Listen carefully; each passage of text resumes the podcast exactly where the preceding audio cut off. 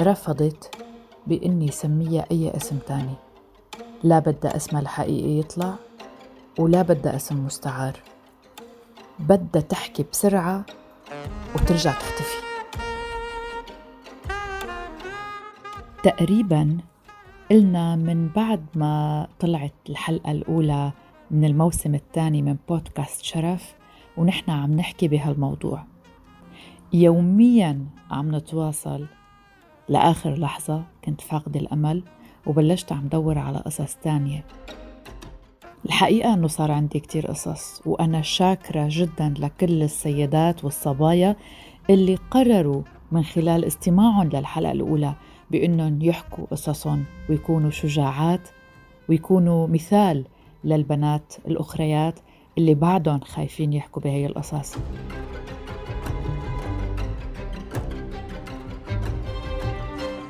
نرجع لقصتنا اليوم ولبطلة حكايتنا اليوم.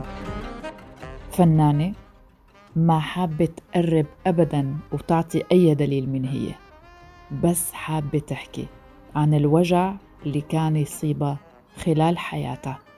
هالحلقة ما فيها قصة كبيرة ما في حدوتة هيك تكون فيها ذروة لنحكي قصة واحدة. هي عبارة عن سلسلة من الذكريات اللي عاشتها بطلة اليوم خلال سنوات حياتها وخبرتها وتجربتها بالوسط الفني.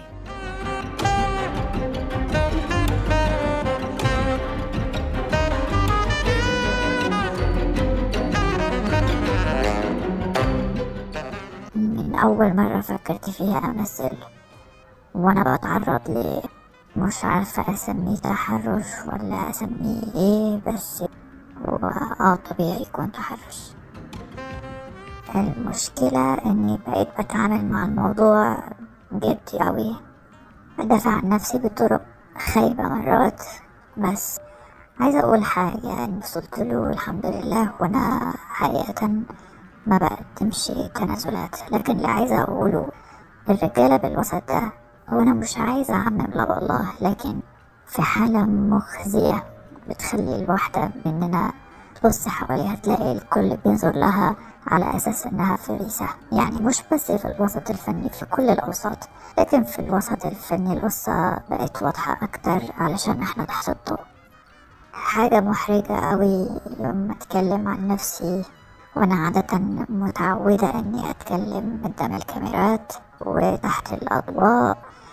في وشي ميكروفونات كتيرة قوي لكن المرة دي بتكلم يعني وأنا مختفية كده علشان الموضوع فعلا محرج.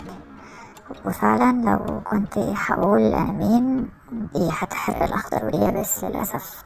وأنا مش قد كده علشان عارفة إني تعبت أوي علشان أوصل للي وصلت له دلوقتي لكن لو فعلا اتكلمت باسمي الحقيقي وبصوتي الحقيقي وقلت الأسماء اللي أنا هتكلم عنها النهاردة. دي حاجة فظيعة والله.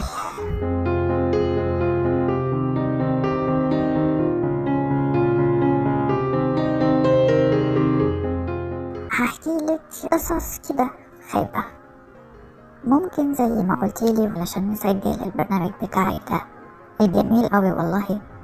توصل رسائل للستات وللصبايا علشان يبقوا أقوى وما يتعرضوش لحاجات زي كده.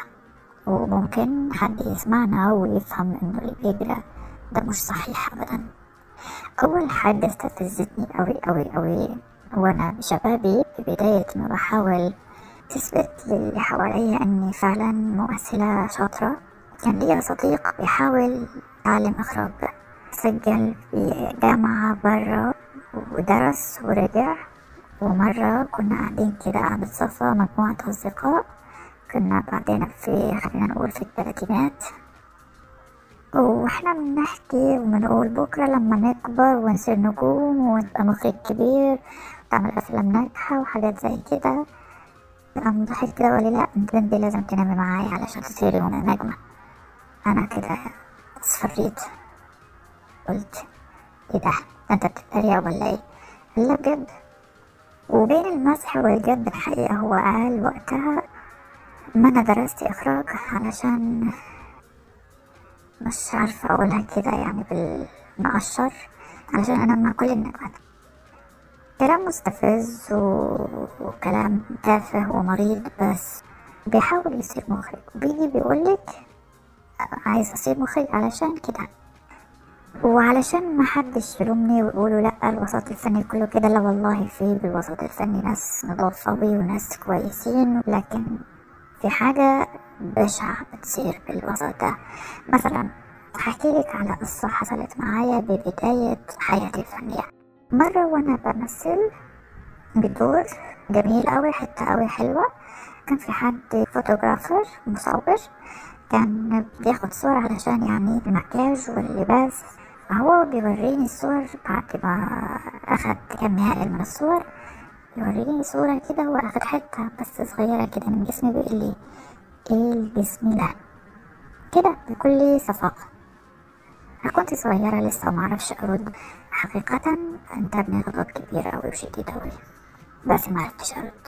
لحد دلوقتي غضبانة على نفسي علشان مردتش مرة كمان بعمل آخر كنا بنصور ببلد عربي وأنا كده لسه عندي بالتلاتينات بقى.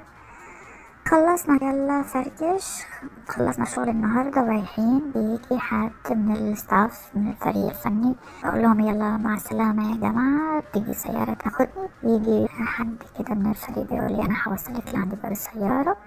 وأنا وماشي. بقول له يلا bye bye. بيجي بيطمني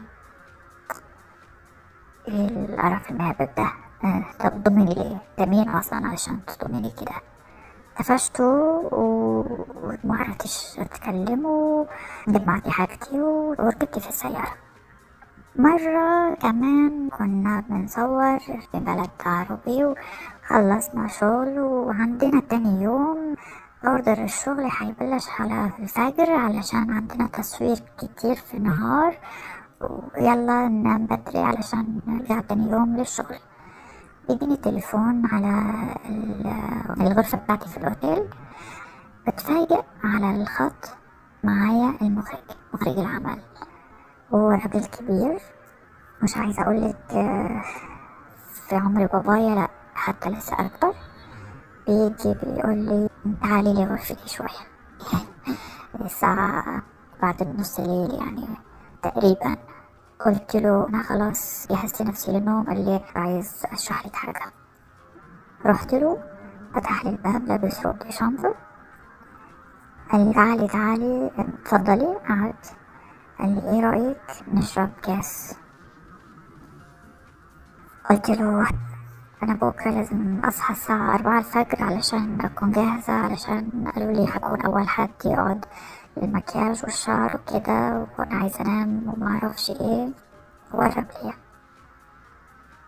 كنت يومها متمنية لو الأرض تنشق وتبلعني. قعدت أعيط مخرج العمل وإحنا في نص العمل. وأنا عايزة الدور ده علشان كان دور قوي جدا. بس في نفس الوقت أنا مش عايزة أخسر نفسي ولا عايزة أخسر المخرج. وحتى اعمل مشاكل واتفضح وإحنا كنا بنفكر كده. لأنه مش عايزين فضيحة وللأسف إننا نفكر بالطريقة دي. يعني وقتها والله كان لازم أمسك ودي بالقلم لكن قعدت اعيط فهو بصلي كده قال لي إيه مالك؟ قلت له أرجوك يا أستاذ أنا والله سعيدة في العمل معك علشان أعرفك رجل محترم. وملك شيء بالحكي كتير. وأنا بعيط معرفش قلت إيه الحقيقة؟ فهو كده قعد قدامي وصل يضحك وقال لي برافو عليكي والله انك جدع. أنا كنت بختبرك. وقال لي بجد أنا كنت عشان أقول لك إنه بكرة لازم تعملي كده كده كده في الشخصية ويلا تصبحي على خير. حقيقة أنا ما أنا عارفة إنه زي كل الرجالة مش عايزة أغلط زي أغلب الرجالة. بيعملوا محاولات ويوم ما ينجحوش بيقولوا كنا بنختبركم. اللي بأكد لي الكلام ده الدور نجح خالص لكنه ولا جابني ولا مرة ولا طلبني ولا لأي دور تاني. مع إني بعدها أخدت كذا دور بعدها مع مخرجين تانيين لكن هو ما جابنيش مرة تانية. أنا مش عايزة أقول ان كل الأدوار اللي أنا اشتغلتها بحياتي. تعرضت فيها المخرجين زي كده. لا والله في مخرجين اكابر وولاد ناس. بس أنا عايزة أقول إنه الحاجات اللي نتعرض لها زي كده حقيقة هي كتيرة. حقيقة أنا بتحفظ على إني أتكلم على القصص اللي جرت معايا في الوسط الفني وحتى في حياتي. عايزة أقولك إنه حتى في الحياة علشان ما نظلمش الوسط الفني حتى في الحياة حتى في الكلية اللي أنا درستها حتى في المدرسة حتى في الشارع في الحارة بين العيلة. مش عايزة أحكي لك كم مرة تعرضت لقصص زي كده من تحرش إن كان لفظي وإن كان جسدي وإن كان لمس وإن كان محاولات زي دي. أنا بحمد ربي ألف مرة علشان أنا النهاردة وصلت للعمر ده. بس كل ما اكبر بقوى أكتر. النهارده صار لي اسم كبير صار اسمي هو اللي بيشيل عني شوية. بقدر النهارده علشان أنا أكبر بتعامل مع القصص دي بطريقة أذكى شوية. مرات حتى بستخدم يعني الصوت مرات بصرخ بوشهم مرات بقول لهم إيه ده؟ أنت بتقول إيه؟ ولا همني الدور ولا همني الإيه ولا همني أي حاجة. بس يعني لبين ما نكبر ونقوى بنكون خسرنا كتير حاجات ما بنكون ثقتنا بأنفسنا ضعفت. وللأسف المواضيع دي علشان ما بنتكلمش فيها بتترك أثر كبير عندنا وإحنا صغيرات. أنا علشان كده عايزة أقول إنه اللي شجعني أكثر حاجة إني أشارك معاكي في البرنامج بتاعك الجميل ده إنه أقول للصبايا ما تخافوش وما تخلوش حاجة توقف وشكم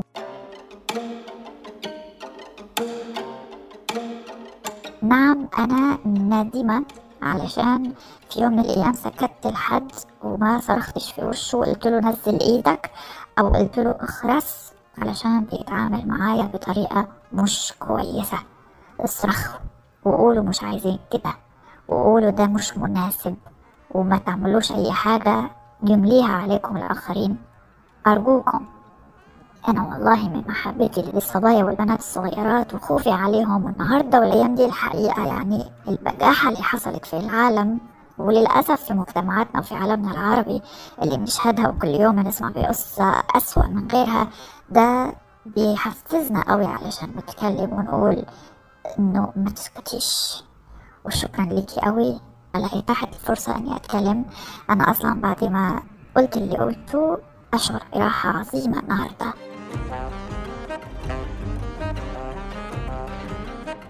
وأتمنى من زميلاتي الفنانات الممثلات والمطربات وكل النجمات بأنهم يتكلموا أنا واثقة أنه ما فيش نجمة في الوطن العربي ما تعرضتش لمحاولة تحرش ولو واحدة. أتمنى أتمنى أتمنى أوصل لمرحلة من الجرأة نعمل زي حملة ميتو اللي حصلت برا ونسمي بالأسماء. ونحن نستاهل نعيش حياة رخاء وسلاما نفسيا وداخليا وكل حاجة.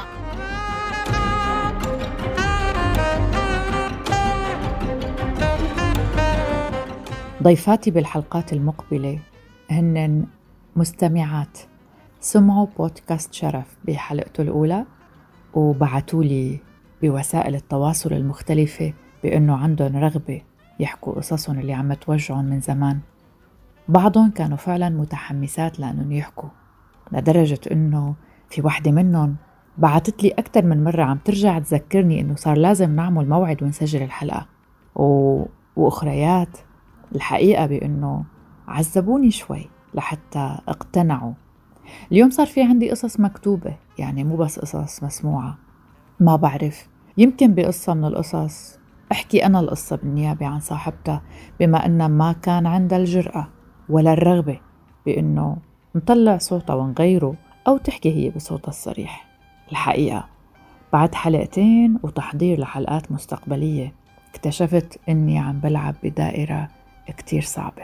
هذا البودكاست عم يستهلك من أعصابي شخصيا لأنه ما كنت متخيلة هالقد لهالدرجة ولو أنه كان عندي شوية يقين بأنه فعلا نسبة المتعرضات للتحرش بعالمنا هي مانا نسبة قليلة.